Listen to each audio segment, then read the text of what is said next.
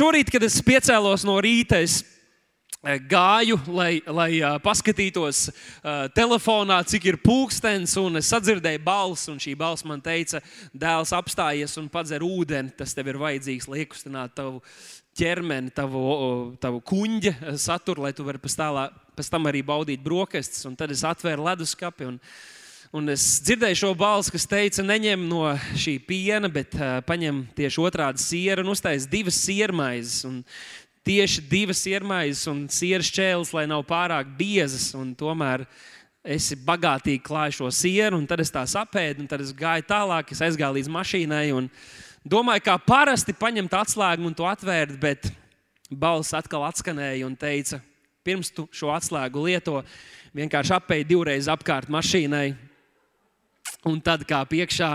Un tā šī diena man turpinājās, un es esmu arī tagad šeit. Un iespējams, ka kādus tiešām Dievs arī šādā veidā uzrunā, bet kāda tiešām atstāja tādu iespēju, varbūt pēc tam komunicējot un stāstot par to, kā Dievs viņus vada. Vismaz rada to iespēju, ka nu, Dievs ir viņa personīgā GPS sistēma ar šo lejasmēju, balss, skaņu tur. Jā, tu tuvojies gala mērķim, tev labi izdodas.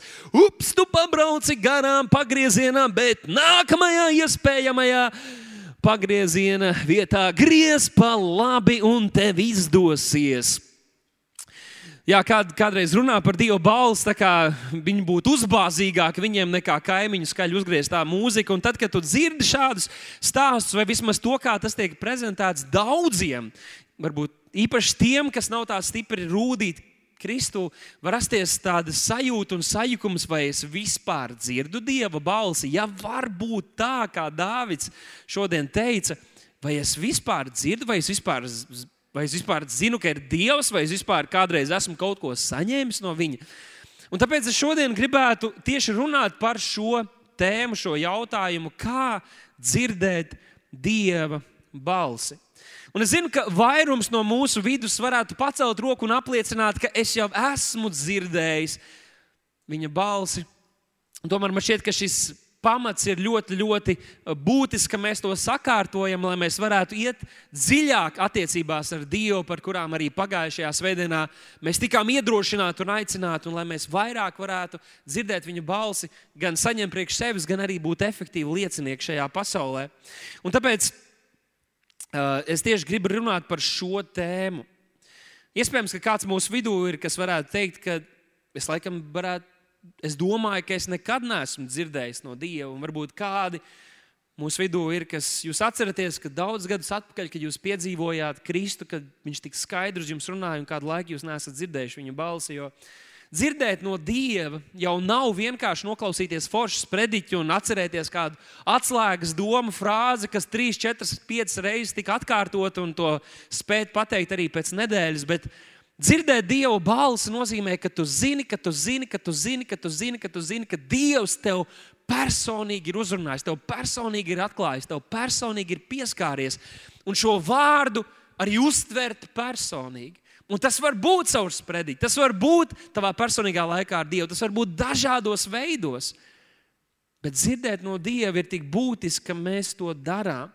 Un šodien es gribētu, lai mēs atcerētos un pieņemtu to, ka Dievs ir uzticams. Viņa vārds ir nemainīgs, bet viņa balss var mainīties. Atkārto, Dievs ir uzticams, viņa vārds ir nemainīgs, bet viņa balss var mainīties. Un es tūlītās paskaidrošu, ko es ar to domāju. Šajā gadījumā, šajā gadījumā es runāju par balsi, kā par platformu vai kanālu, caur kuru tiek komunicēts Dieva vārds, vai viņa raksturs, tas, kas viņš ir un ko viņš ir paredzējis priekš mums. Un es esmu pārliecināts, ka tas reizēm var izskatīties diezgan dažādi.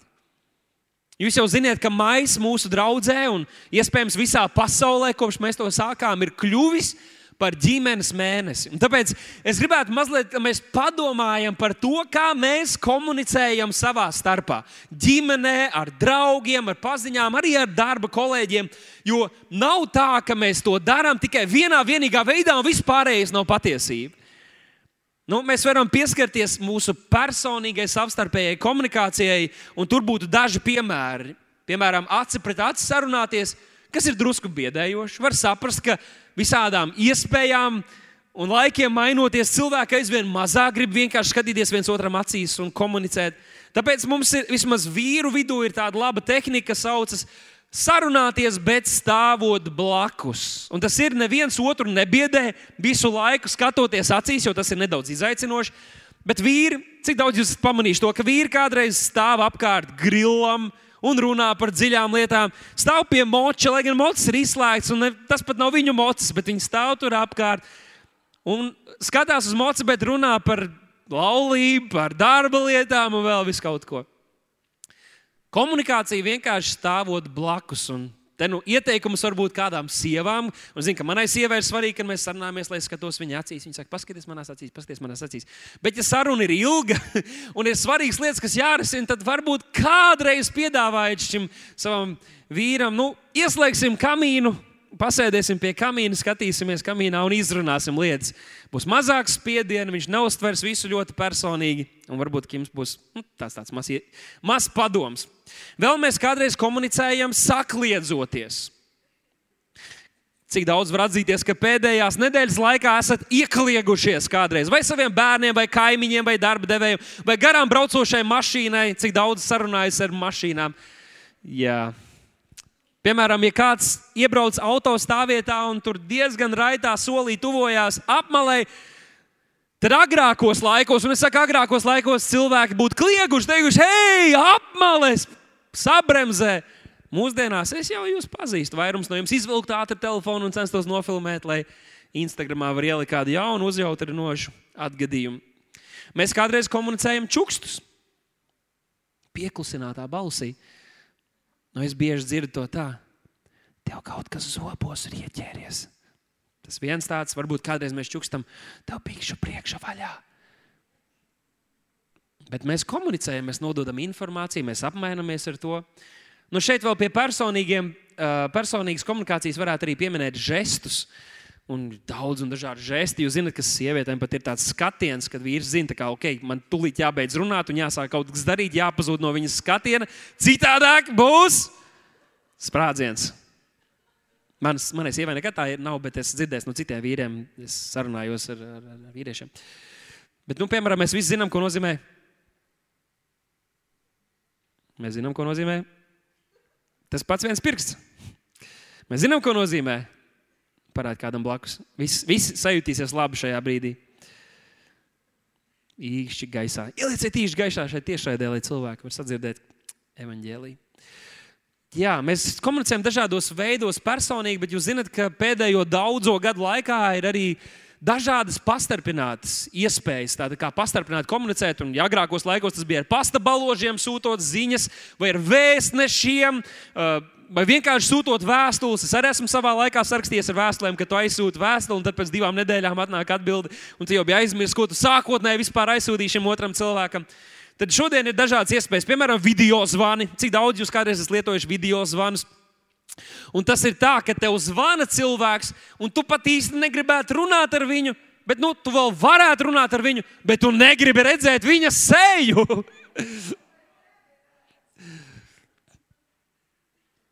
Es esmu dzirdējis, ka kādas sievas kādreiz zvana vīriem, bet tās, tās kur mazliet nu, neusticās, varbūt.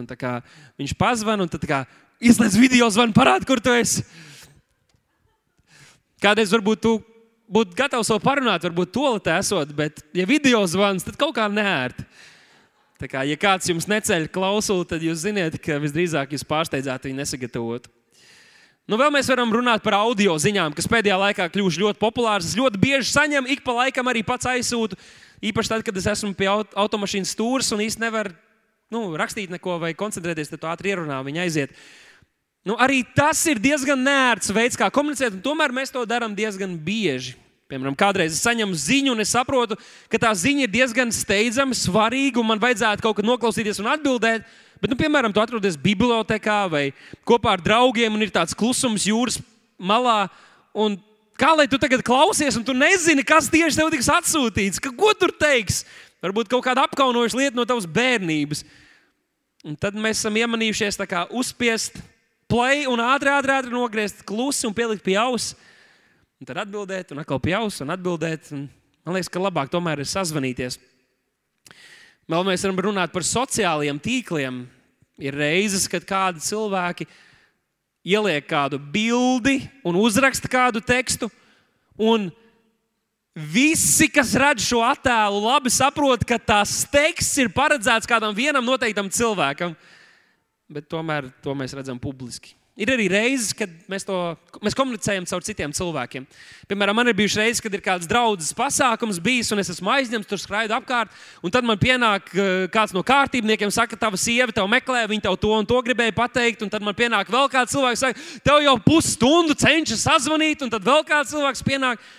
Un tajā brīdī man ir jādomā, vai tiešām mana sieva tā būtu varējusi teikt, vai tiešām šie cilvēki pazīst manu sievu, vai varbūt viņi paši kaut ko izdomā. Bet mēs komunicējam daudz un dažādos veidos, mēs nododam informāciju, un tas viss taču skaitās. Tas viss ir, ka, ka tā komunikācija notiek. Mēs tāpat varētu padomāt par to, kā komunicē tie, kas ir aizgājuši, kas ir nodzīvojuši savu dzīvi šeit virs zemes. Mācītājs vairākus dievkalpojumus ir pieskāries tieši šim jautājumam par cilvēkiem, kas, piemēram, gatavojoties aiziešanai, ir uzrakstījuši kādu vēstuli un to sagatavojuši, lai viņu pēdējie vārdi vēl var izskanēt un uzrunāt cilvēkus, kas ir viņu tuvākajā draugu lokā. Bet es domāju, ka tie, kas ir aizgājuši, viņi vēl aizvien runā ar saviem padarītajiem darbiem, ar to, ko viņi ir teikuši, ko viņi varbūt ir rakstījuši. Piemēram, tāpēc man ļoti ir liels prieks par kādām dziesmām, par kādiem video, kurus esmu veidojis. Un es tā ilgtermiņā domāju, tas gan šobrīd var palīdzēt kādiem, Bet padomāt, eh, mani bērni, kad paaugsies, viņu bērni, varbūt pat viņu bērnu bērni. Kādu dienu skatīsies YouTube video, kurus runāja par attiecībām, ar kādiem jautājumiem, kad man vēl bija virs 20. Bet kā cilvēki, arī, kuri vairs nav fiziski šeit, viņi vēl aizvien kaut kādos veidos runā uz mums. Bet runājot par cilvēkiem, mēs vēl visi varam vienkārši saprast, nu jā, tas, mēs komunicējam, ir daudz dažādu veidu, kā tas notiek, bet kā ir ar Dievu? Un šeit es gribētu iesākt ar kādu raksturvietu, kur Jēzus pateica ļoti stipru apgalvojumu Jāņa Evanģēlī 5. nodaļā, kur 37. pantā Jēzus runā gan ne uz saviem mācekļiem, bet uz tiem, kas netic, kas noliedz, kas gribēja izaicināt viņa teikto. Viņš saka, Tēvs, kas man ir sūtījis, pats ir liecību devis par mani. Tātad ir apliecinājis to, kas es esmu. Viņš saka, bet jūs viņa balsi nekad neesat dzirdējuši un viņa seju jūs neesat redzējuši. Un šajā pašā nodaļā mēs redzam, ka viņš runā par to, ka Dievs ir devis visiem cilvēkiem liecību. Caur tiem darbiem, kurus Jēzus darīja, tas bija tā kā, ka Dieva pirksts ir pār viņu, ka Dieva svaidījums ir pār viņu, pār caur vārdiem, kurus Jēzus teica. Un tomēr Jēzus uzdrošinās, uzdrošinās teikt šiem cilvēkiem, ka tie nav redzējuši vai dzirdējuši viņa balsi. Un tas jo īpaši Interesanti sanāk, ja mēs skatāmies vecajā derībā, kur otra, otrajā mūža grāmatā, 24. nodaļā, mēs lasām par mūzu, kur viņš ar saviem palīgiem un 70 vecajiem ir rakstīts, ka viņi uzkāpa kalnā un viņi redzēja Izrēla dievu. Jēzus saka, jūs neesat redzējuši, bet Bībelē ir teikts, ka Mūzes ar vēl daudziem citiem vecajiem, kas bija līderi Izraēla draudzē, Viņi bija redzējuši Dievu savām acīm. Mazliet vairāk kontekstu mēs iegūstam 33. nodaļā, kur mēs redzam notikumu ar Mūzu. Un Mūzis sarunājas ar Dievu, un tad viņš izsaka šos vārdus, kurus arī mēs esam vairāk kārt lūgšanā, pielūgšanā teikuši, vienkārši tuvojoties viņam. Un viņš teica, rādi man lūdzams savu godību. Rādi man lūdzam savu godību. Un Dievs uz to, protams, atbild. Viņš saka, es gribu, lai tu to redzi. Un es iešu tev garām, es saukšu savu vārdu. Mana godība ies tev garām. Viņš saka, bet tad, kad tas notiks, es uzlikšu tev pāri, es paslēpšu tevi klintī un uzlikšu tev pāri savu roku. Lai tu vari man redzēt, bet ne pilnībā saskatīt. Jo kad cilvēks, cilvēks nevar palikt dzīves, redzēt mani un palikt dzīves. Tad Dievs ir svēts un mēs esam nepilnīgi grēcīgas būtnes. Un tad ļoti, ļoti interesants notikums ir, kad tas viss arī notiek. Mozus to piedzīvo, viņš redz Dieva godību tā, ka viņa vaigs pēc tam arī spīd. Un tas notiek pēc tam vairāk kārt dažādos veidos. Bet tad Dievs saka, ka es paiešu tev garām, saucot savu vārdu, un tad es noņemšu savu roku no tavām acīm, lai tu redzi mani, bet ne manu vaigu, bet no aizmugures. Tātad Mozus redzēja Dievu, bet ne pilnībā. Jūs ziniet, jūs varat redzēt kaut ko, ir tas stāsts kaut vai par skudru un ziloni, vai? Kā tu skudrē vari pastāstīt to, kas zilonis ir.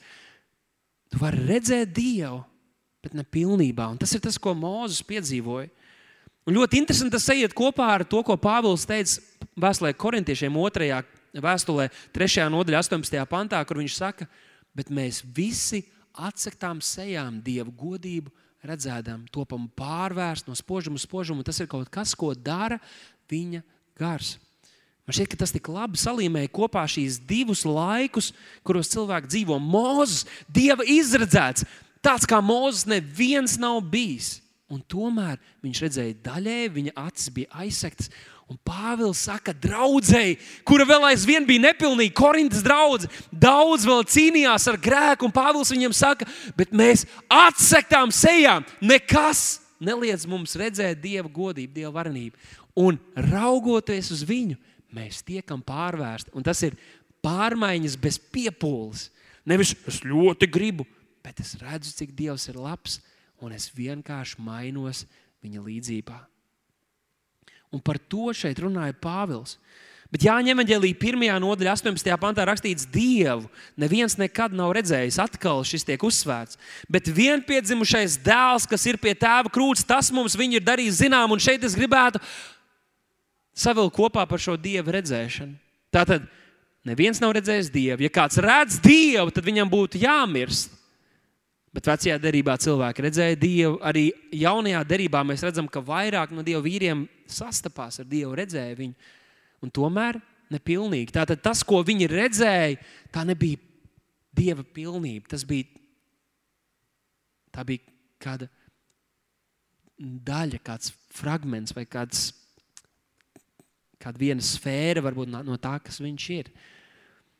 Bet šeit arī ies, iesākot Jāņa vēstuli, evanģēlī mēs redzam, ka tiek pateikts šis kontrasts, neviens nekad nav redzējis, bet dēls viņu mums ir darījis zinām. Mēs zinām, ka Jēzus ir pilnīga tēva atklāsme. Viss, kas iepriekš bija, visas derības, visi vārdi, pravieši, līdzības, kas notika, notikumi, tas viss liecināja par to, kas Dievs ir, kāda ir viņa griba, kāds ir viņa vārds. Un tomēr tā visa kulminācija ir Kristu Jēzu. Tāpēc Jēzus drosmīgi teica saviem mācekļiem, jūs gribat redzēt Dievu, jūs gribat redzēt Tēvu, skatieties uz mani.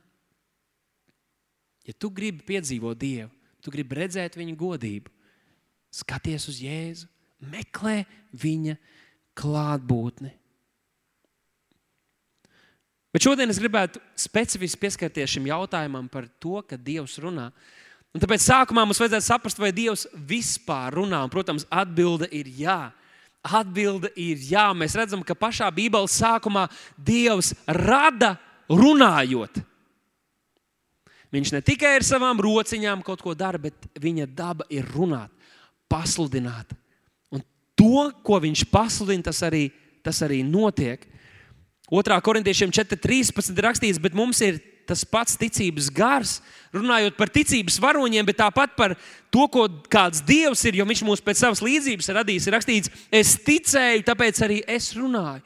Dievs runāja un tapa, un arī mēs šodien pasludinām. Mēs runājam, jo mēs ticam, un tas maina lietas. Kas notiek tālāk? Tātad Dievs runā top šī pasaule, top viss šis skaistais, kas ir mums apkārt. Tad Dievs runā, top cilvēks. Tad Dievs sāk runāt ar cilvēku. Augļojieties, vairojieties, valdiet, piepildiet šo zemi. Tālākie notikumi notiek ļoti spraigi, un mēs redzam, ka cilvēks krīt grēkā. Un ko Dievs turpina darīt? Viņš turpina runāt, viņš turpina rūpēties. Brīdī, kad Ādams ar Ievu grēko, jā, viņi tiek pazīti no ēdienas dārza, lai viņi netiktu pie mūžīgās dzīvības koka. Bet Dievs kopā ar cilvēku pamet šo ideālo vietu, liecinot par to, ko Jēzus izdarīs vēlāk. Viņš pamet šo ēdienas dārzu un iet kopā ar cilvēku kailatnē, tuksnesī. Viņš aiziet kopā ar viņiem, viņš turpina komunicēt, viņš saģērb viņus. Mēs varam saprast, ka viņš dod viņiem praktisku gudrību, kā apstrādāt zemi, kā ģērbties. Dievs ir pirmais apģērba dizainers. Ja kādam patīk apģērba dizains, tad jūs zinat, jūs darat tieši to, ko Dievs dara. Daudzas praktiskas lietas, un Dievs turpina komunicēt ar viņiem. Tad Ādamam arī ir bērni. Un tad notiek kāds ļoti skumjš notikums, kad pirmo reizi kāds mirst, cilvēks mirst, kains nokauj savu brāli, kurš patika Dievam pēc viņa darbiem un pēc viņas sirds. Un kas notiek pēc kāda laika? Tad mēs redzam, ka Kains nokauj savu brāli, un Dievs vēl aizvien nav dusmu pārņemts, un viņš nenokauj šo kainu, bet Dievs komunicē ar viņu. Viņš saka, Jā, Kaini, šai tavai rīcībai būs sekas. Un tomēr viņš aizstāv viņu un saka, ja kāds grib atriept Ābeli, Tad septiņkārt tas notiks vēl ar viņu, kurš tevi aiztiks, kurš tev pieskarsies. Dievs vēl aizvien paliek kopā ar cilvēkiem. Bet tad es lasīju šīs raksturvietas un ieraudzīju, manuprāt, vienu no skumjākajām raksturvietām, kāda Bībelē ir atrodama. Un tā ir atrodama 1. mūzes grāmata, 4. nodaļa, 16. pants, kur rakstīts, un es šeit lietoju New King James tulkojumu, jo angļu valodā man šeit tas vārds tik precīzi tur tiek arī parādīts, kur rakstīts, Un Kains izgāja no dieva klātbūtnes un dzīvoja Noda zemē.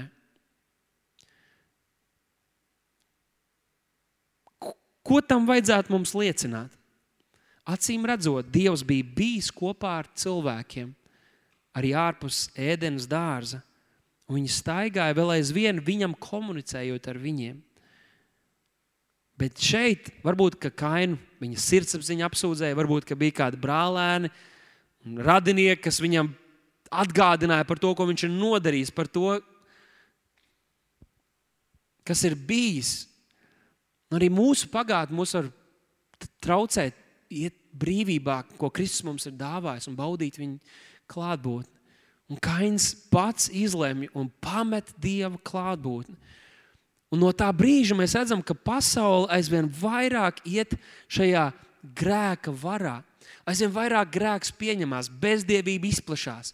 Cilvēki aizvien vairāk nododas savā, savām miesas iegribām, un lai gan Dievs nav pazaudējis šo vēlmi komunicēt ar cilvēku, būt attiecībās ar viņu, atklāties, svētīt un vadīt šos cilvēkus, lai gan tie jau ir krituši.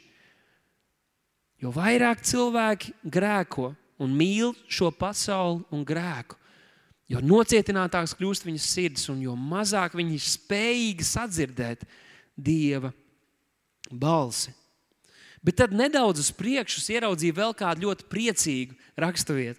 Un tas ir 26. pāns, kur ir rakstīts par Setu, kurš bija kāds no Ādama no tālākajiem dēliem. Un tur ir rakstīts, ka arī viņam piedzima dēls, kuru nosauc par Ēnošu, un tas sāka piesaukt dieva vārdu. Kains iziet no dieva klātbūtnes. Bet tad ir vēl kāds dēls, Ādamam, kura, kura dēls Enošs. Viņš sāk piesaukt tā kunga vārdu. Un es domāju, kas viņu motivēja šajā rīcībā? Kas viņam deva spēku? Kas viņam vispār deva cerību, ka viņš, kas, iz, kas ir piedzimis laikā, kad cilvēks ir kritis, ir grēkojis pret Dievu un dzīvo kailatnē, ka viņš jebkad varētu iepazīt un komunicēt ar dzīvo Dievu. Un es domāju, ka tas bija viņa vectēvs. Tas bija Ādams, tā bija Ieva, kas stāstīja saviem bērniem, un varbūt mazbērniem pat vairāk par to, kāds Dievs ir, par to, kā viņi baudīja viņa klātbūtni, ko Dievs bija paredzējis. Varbūt kāds personīgs apsolījums Dievs bija devis viņiem, ko viņš nodeva šim puisim. Un viņš šajā grūtajā vietā izvēlējās sākt piesaukt tā kunga vārdu. Un ko es gribu, lai tu zini un saproti šodien? Nav svarīgi, kāds ir tavs ciltskoks. Nav svarīgi, ko dara tavi brāļi, māsas, tavi radinieki. Varbūt pat tavā mazajā grupā ar kādu cilvēku, kur izskatās, ka viņi nedeg pēc dieva. Tu vari izvēlēties, meklēt viņa klātbūtni. Tu vari izvēlēties, nodot savu dzīvi pilnībā viņam. Un Dievs respektē šo savu, tavu izvēli un svētīs tevi un tavus pēcnācējus. Un to mēs redzam arī šeit, Bībelē, jo vēlāk, 7. paudzē pēc no Ādama, no šī ēnoša paudzes nāk kāds vīrs, kura vārds ir Ēnoks, un mēs visi zinām par viņu. Un Ēnoks bija puisis, kurš meklēja dieva klātbūtni. Ebrejiem 11. 5. pantā ir rakstīts, ticībā Ēnoks tika aizrauts tā, ka viņš neredzēja nāvi, un viņu neatrada tāpēc, ka Dievs viņu bija aizrāvis. Jo pirms tam ir nodots par viņu liecību, ka viņš patic Dievam. Tātad viņa domas, viņa dzīve patika Dievam, lai gan viņš dzīvoja laikā un sabiedrībā, kur aizvien vairāk viss tika grēka un bezdevības pārņemts. Un tad es skatījos uz šo sesto pantu, kur mēs bieži citējam, kur ir rakstīts, bet bez ticības nevar dievam patikt, jo tam, kas pie dieva griežas, nākas ticēt, ka viņš ir un ka viņš tiem, kas viņu meklē, atmaksā. Un man tas savienojās kopā ar Ēnoku. Jo parasti, kad es domāju par Ēnoku, es domāju par puisi. Kurš vienkārši baudīja dievu klātbūtni, viņam bija tik labi. Mēs tā, oh, cik forši būtu būt Ēnokam. Viņam nebija nekas par ko uztraukties. Viņš vienkārši varēja baudīt Dieva klātbūtni. Bet Bībele mums atklāja, ka Ēnuham nācās ticēt, ka Dievs ir un ka Viņš tiem, kas viņu meklē, atmaksā. Viņš nebija redzējis radīšanas brīnums. Viņš nebija neko piedzīvojis tādu pārdabisku savā dzīvē. Viņam nebija tieši zināšanas no Dieva. Dievs nebija uz viņu runājis tieši. Bet viņš bija dzirdējis, un ticība nāk no Dieva vārda dzirdēšanas. Viņš bija dzirdējis, ko Ādams viņam teica. Viņš bija dzirdējis, ko Ieva viņam stāstīja. Viņš bija dzirdējis par Dievu, un viņš ticēja. Viņam nācās, ja viņš gribēja piedzīvot Dievu, viņam nācās par spītam, kā viņš jūtās vai kā izskatās, ticēt, ka Dievs ir un ka Dievs atmaksā tiem, kas patiešām izvēlas viņu meklēt. Un viņš gāja šo ceļu. Vēl kas man šķiet interesanti par Ēnoku, ir tas, ka man, mums, mums šķiet, ka viņš vienkārši staigāja Dieva klātbūtnē un ka viņam nekas cits neinteresē. Bet Jūdas vēstulē, Jūdas vēstulē, pirmajā nodaļā, 14. pantā ir rakstīts, ka Ēnoks šiem saviem līdzgājējiem sludināja, sacīdams, redzi, tas kungs nāk ar daudz tūkstošiem savu svēto, tiesāt visus un sodīt visus bezdievis viņa bezdīvīgo darbu dēļ, un tad viņš aicina viņus uz taisnības ceļu. Ko tas nozīmē? Nav svarīgi, vai Dievs viņam teica, lai viņš sludina šo, jo šo atklāsmu acīm redzot, viņš saņēma no personīgām attiecībām ar Dievu. Bet ko mēs redzam? Attiecības ar Dievu viņā radīja vēlmi un nepieciešamību arī citiem parādīt gaismas ceļu. Nav tāda varianta, kas vienkārši staigāja, Dievs mani mīl, viss ir tik labi jo viņš tuvojās Dievam. Un Dievs viņam deva misiju, jo viņš, viņš saprata, ka arī citiem tas ir jāpiedzīvo. Taisnības ceļš ir svētības ceļš. Viņš sāka to sludināt, līdz kādā dienā viņš savu misiju bija pabeidzis. Un Dievs teica, es šo vīru gribu ņemt pie sevis. Kā Dievs runāja vecajā derībā? Kā? Nu, mēs redzam dažādus fascinējošus veidus Bībelē, mēs redzam, ka viņš runāja dzirdamā balsī uz Noā. Vaigu vaigā viņš runāja uz Ābrāmu, degošā ugunskrūmā ar mūzu, no pērkona viņš runāja, vētrā ar Izraēlu tautu, sapnī ar Salamanu, lēnā balsī ar Eliju, vīzijā ar Jēzeju. Mēs varētu vēl minēt daudz dažādus fascinējošus piemērus. Fenomenāli piedzīvojumi ar Dievu, un tomēr tas bija ļoti reti. Tie bija ļoti izradzēti cilvēki un ļoti īpašos laikos. Un tad, kad Dievs runāja, Viņš runāja ne vienkārši, lai stiprinātu viņus personīgi, bet runāja, lai viņa glābšanas misija tiktu piepildīta. Lai viņi izdarītu pareizas izvēles un lai Kristus nāktu šajā pasaulē.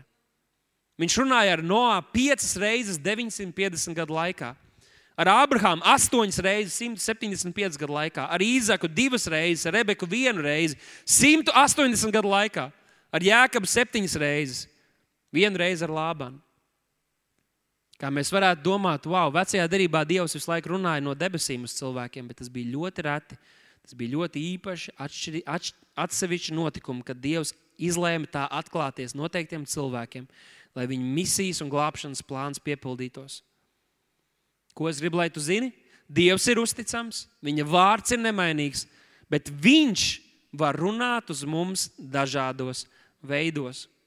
Runājot par veco derību, mums jālasa ebreju vēstules pirmā nodaļa, pirmais pants, kur ir rakstīts, Dievs senlaikos daudzkārt un dažādi caur praviešiem ir runājis uz mūsu tēviem. Viņi runā par veco derību. Tātad, jā, bija tādi īpaši izņēmumu gadījumi, kā piemēram arī, kad Pāvils sastopās ar Kristu un Jēzus viņu aicina kalpošanai jaunajā derībā. Bet tie bija daži reti izņēmumu gadījumi. Kā parastais Izraels tautas pārstāvs vai jebkurš cits, kurš meklē dievu vaigu, kā viņi varēja zināt, ko Dievs ir teicis un ko Dievs ir teicis šim laikam? Viņiem bija vecā derība. Tā nav. Viņiem bija vecā derība un bija pravieši, kurus Dievs lietoja, lai pasludinātu nākamās lietas, kas notiks. Un interesanti vispār ir, ka ļoti bieži pravieši nevienkārši runāja kaut ko, ko ir saņēmuši, dzirdējuši vai redzējuši, lai gan vīzijas viņi redzēja, bet ļoti bieži viņi atgādināja to, ko Dievs bija teicis. Viņi atgādināja derību, kā Dievs bija slēdzis ar viņiem. Viņi atgādināja to, ko tauta ir sadarījusi savā vēsturē un saskaņā ar Dievu vārdu. Tāpēc šīs li likstas notiek mūsu dzīvē, un viņa vērs atpakaļ viņu ceļus pie Dieva, bet arī pie rakstiem. Stāv rakstīts. Vecajā derībā Dievs daudz un dažādos veidos runāja, bet tad otrajā pantā mēs lasām iepriecinošu ziņu. Bet šajās pēdējās dienās Viņš ir runājis uz mums caur, palīdziet man, caur dēlu. Dievs ir licis viņu visam par mantinieku, caur viņu arī radījis visu pasauli. Wow! Tātad Dievs runāja caur praviešiem, caur valdniekiem līdz noteiktam laikam tad atnāk Jēzus, un tad viņš, Dievs mums saka to caur šīm raksturvietām un arī citām, ka tas viss bija labi, tas viss bija par svētību, tas bija tam laikam, bet ir atnācis kaut kas lielāks, kaut kas vērtīgāks. Viņš ir atklājies caur savu dēlu, viņš ir runājis caur savu dēlu. Ļaujiet man uzdot jums jautājumu, kā mēs varam zināt, ko Jēzus teica? Ko Jēzus darīja? Vai mums jāatrod YouTube kāds gudrs cilvēks, kurš mums stāsta šīs lietas? Visa pamats ir šeit. Dievs mums ir dāvājis, saglabājis savu vārdu, kur ir cilvēki, kuri bija līdzās Jēzum, piedzīvoja, redzēja, dzirdēja, un viņi to ir pierakstījuši. Ja mēs gribam redzēt Jēzu, Ja mēs gribam iepazīt Dievu, un Jēzus ir Dieva pilnīgā atklāsme, tad mums tālu nav jāmeklē. Mums tālu nav jāmeklē. Un Dievs nekad nerunās pretēji savam vārdam.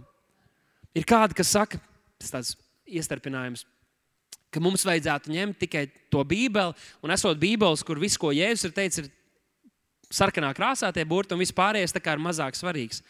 Bet ļaujiet man paprasīt šiem cilvēkiem, Kā mēs zinām, ko Jēzus teica? Kas to pierakstīja? Vai Jēzus pats to pierakstīja?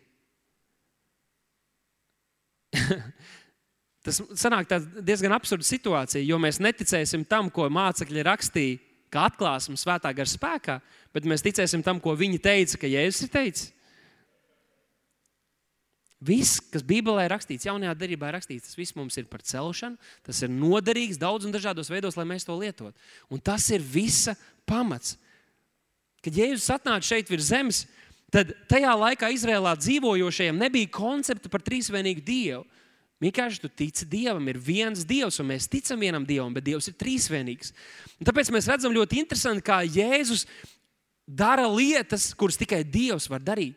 Viņš piedod grēkus, viņš dziedina, viņš izdzen dēmonus, ko neviens cilvēks, lai cik svēts un pilnīgs arī nebūtu, nekad to nebija spējīgs izdarīt. Jēzus to darīja. Par to viņi gribēja nometāt akmeņiem, jo cilvēki tajā laikā reliģiskie teica, ko viņš taisās par Dievu. Viņš teica apgalvojumus, kurus nekad neviens nevarēja teikt, kā vienīgi Dievs. Ko viņš centās pateikt? Viņš centās iepazīstināt tā laika sabiedrību ar šo trīsvienības konceptu. Viņš visu laiku uzsvēra, es neesmu tēvs, tēvs ir lielāks, tēvs ir kaut kas cits, es esmu dēls. Viņš pagodināja tēvu. Bet tad mēs redzam, kā notiek šī viņa kalpošana. tā sākas ar ļoti interesantiem pavērsieniem. Cik es saprotu, pēdējās reizes, kad Tēvs no debesīm ir skaidri runājis, ir saistībā ar Jēzu. Pirmā ir, kad ir kristības, Jēzus tiek kristīts, un tad viņš dzird, un arī apkārt esošie dzird, ka Tēvs apstiprina Jēzu. Tātad tas ir jauns koncepts tā laika cilvēkiem. Tēvs saka, tas ir mans dēls, uz viņu man ir labs prāts. Tad esmu pilnībā apmierināts. Jūs esat grēcinieki, bet ar dēlu esmu apmierināts. Un kas pēc tam tālāk notiek? Apskaidrošana. Tas ir pirms krusta nāves. Jēzus tiek apskaidrots. Un kas tur notiek? Viņam līdzās parādās Mozus un Elija. Mācekļi ir sajūsmā. Tie ir viņu varoņi. Par viņiem, viņiem tika mācīts, tie mums liecina par mesiju. Tāds būs mesija. Un viņi sajūsmā, viņi saka, vai taisīsim teltis, visi kopīgi dzīvosim. Un vienā mirklī uf, pazūd visi ietekmīgie, visi svarīgie, visi, uh, visi, visi dieva varoņi, cilvēki, ko Dievs ir lietojis. Un tur stāv viens pats Jēzus, apskaidrots mācekļu priekšā. Un Tēvs no debesīm saka, tas ir mans dēls, viņu klausiet. Tātad pēc manas izpratnes, pēdējā reize, kad tēvs runāja no debesīm, vismaz Bībelē mēs to redzam, ir apstiprinot Jēzu Kristu kā mūsu kungu un glābēju, mesiju un trīsvienīgā dieva otro personu. Ko teica Jēzus? Jā, ņemot vērā 10. nodaļā, 27. pantā, mēs lasām tekstu, ko neviens cits kā vienīgi Dievs nevarētu teikt. Un Jēzus to pateica vairāk kārt. Un viņš tur raksta, saka, Manas avis, sakam kopā, manas avis dzird manu balsi. Es tās pazīstu, un viņas seko man. Un viņš saka, es tām došu mūžīgo dzīvību, un neviens neizraus viņas no manas rokas. Un tas psalmos tiek rakstīts par tēvu, ka neviens nevar izraut no viņa rokas. Un Jēzus šeit piesavinās to. Viņš saka, es esmu tāds pats, kāds viņš ir. Es esmu Dievs.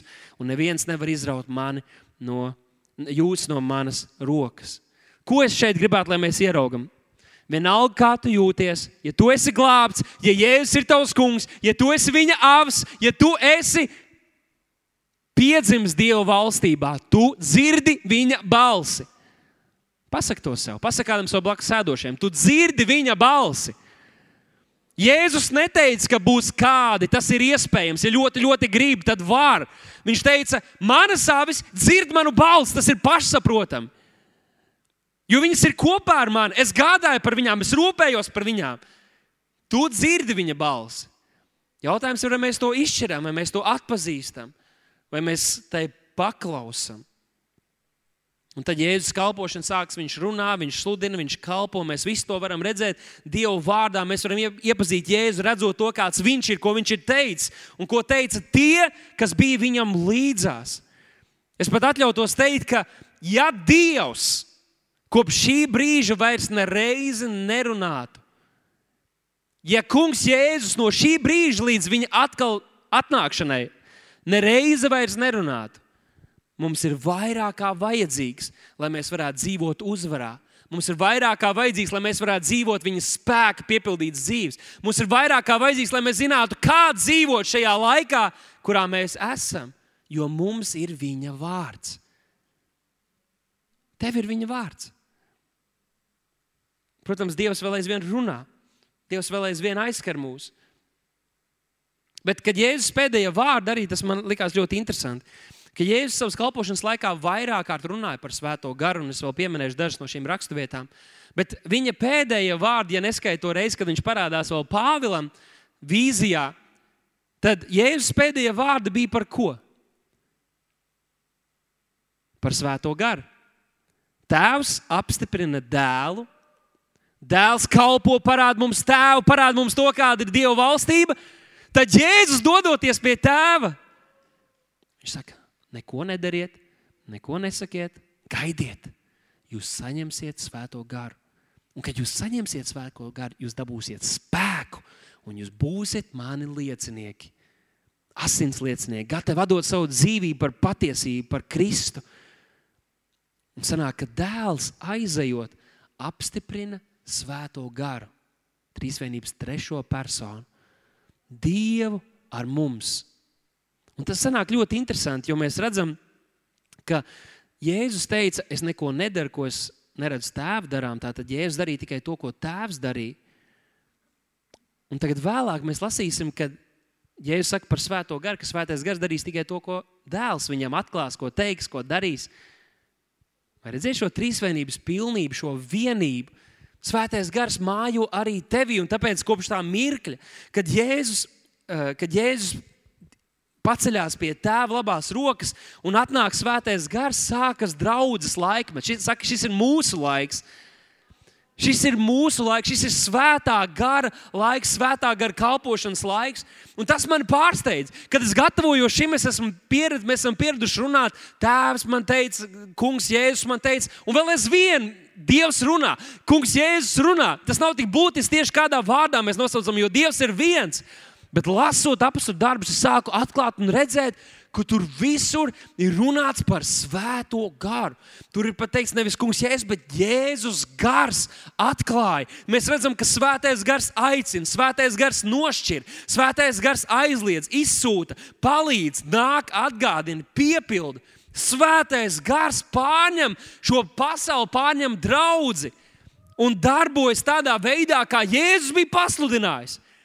Tas nevienu nepārsteidz, jo Jēzus par to bija runājis, ka svētais gars nāks un darīs visas šīs lietas.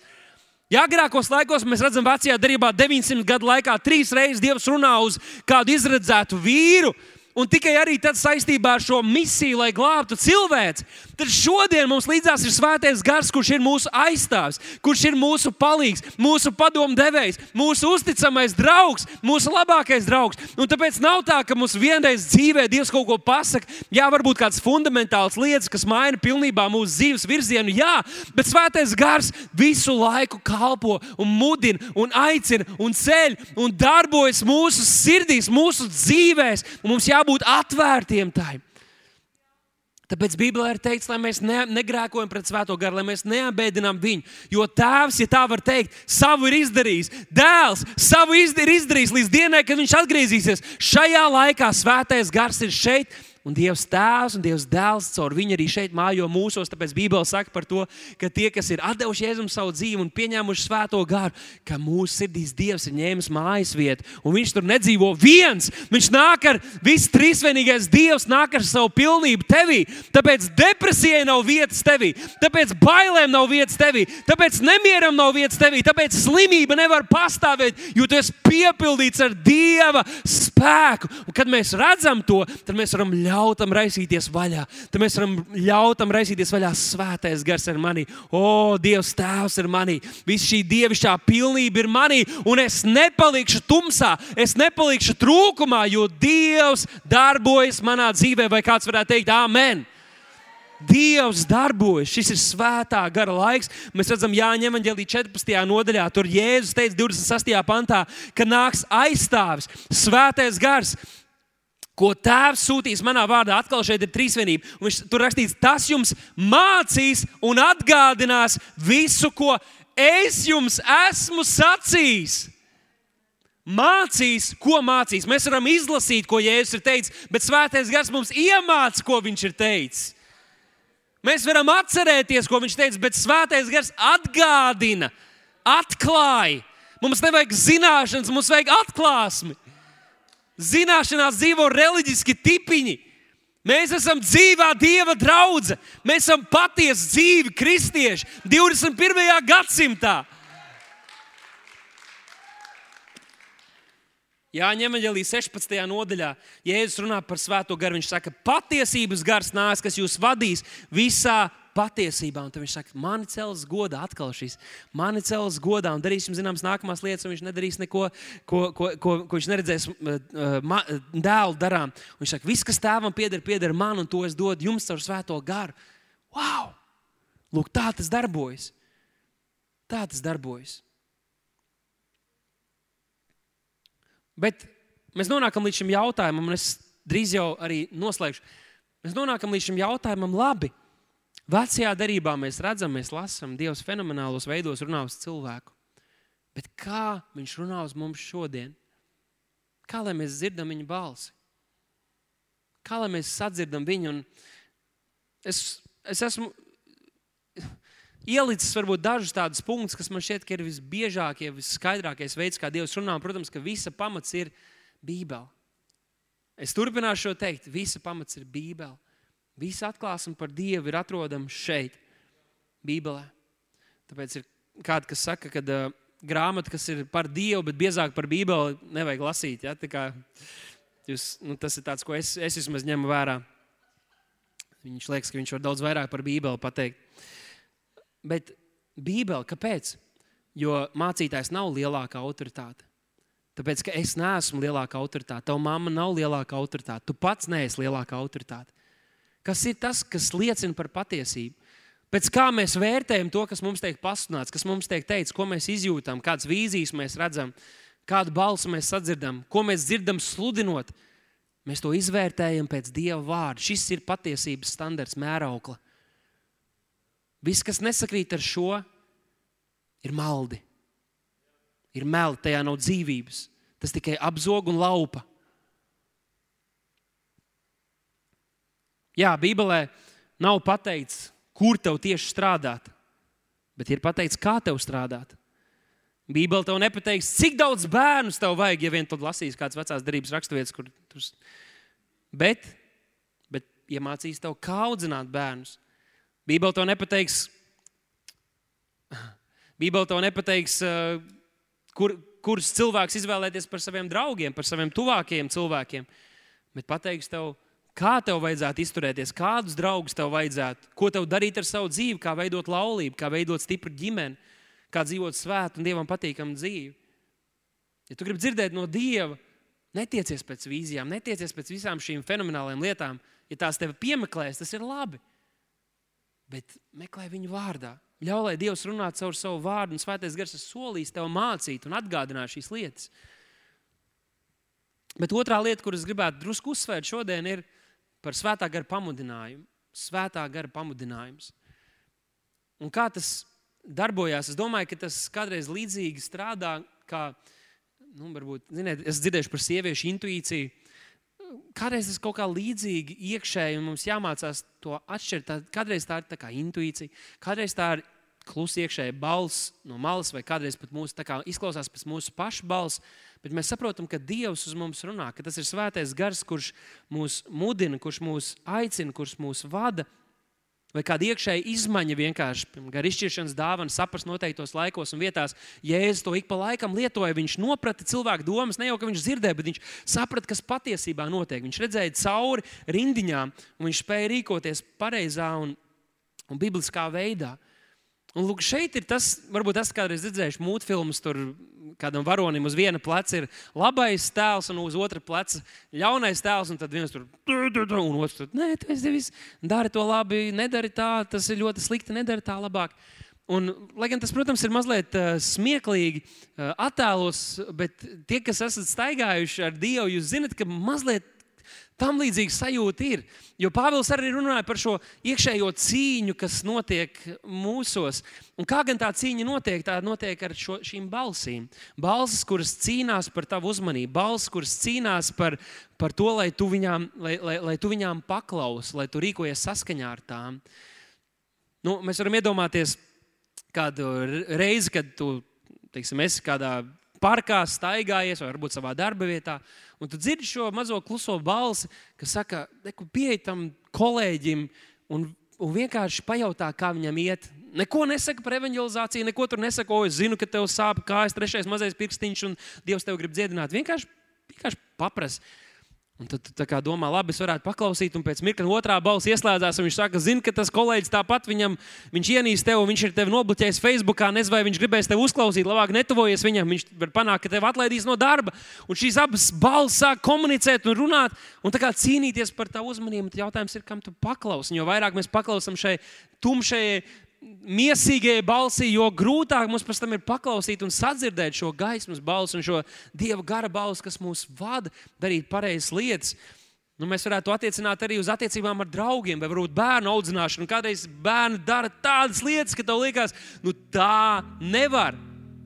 Un tur no vienas puses dzird kādu balsi, kas saka, Vienkārši aizēj un samīlē to bērniņu. Patur viņu kādu minūti, vienkārši ap, apskaujoties, lai viņš nopuņķo tavu plecu, bet krekli var izmazgāt, bet to, to dvēselī Dievs grib dziedēt arī caur šo apskāvienu. Bet tā otra, otra balss saka, nu nē, tā nevar izturēties. Viņš nezina, kas es esmu. Es esmu tētis, es esmu pampers, viņam mazgājis visu dzīvi. Tā nevar, tev jāklaus man. Un man ik pa laikam šāda cīņa ir.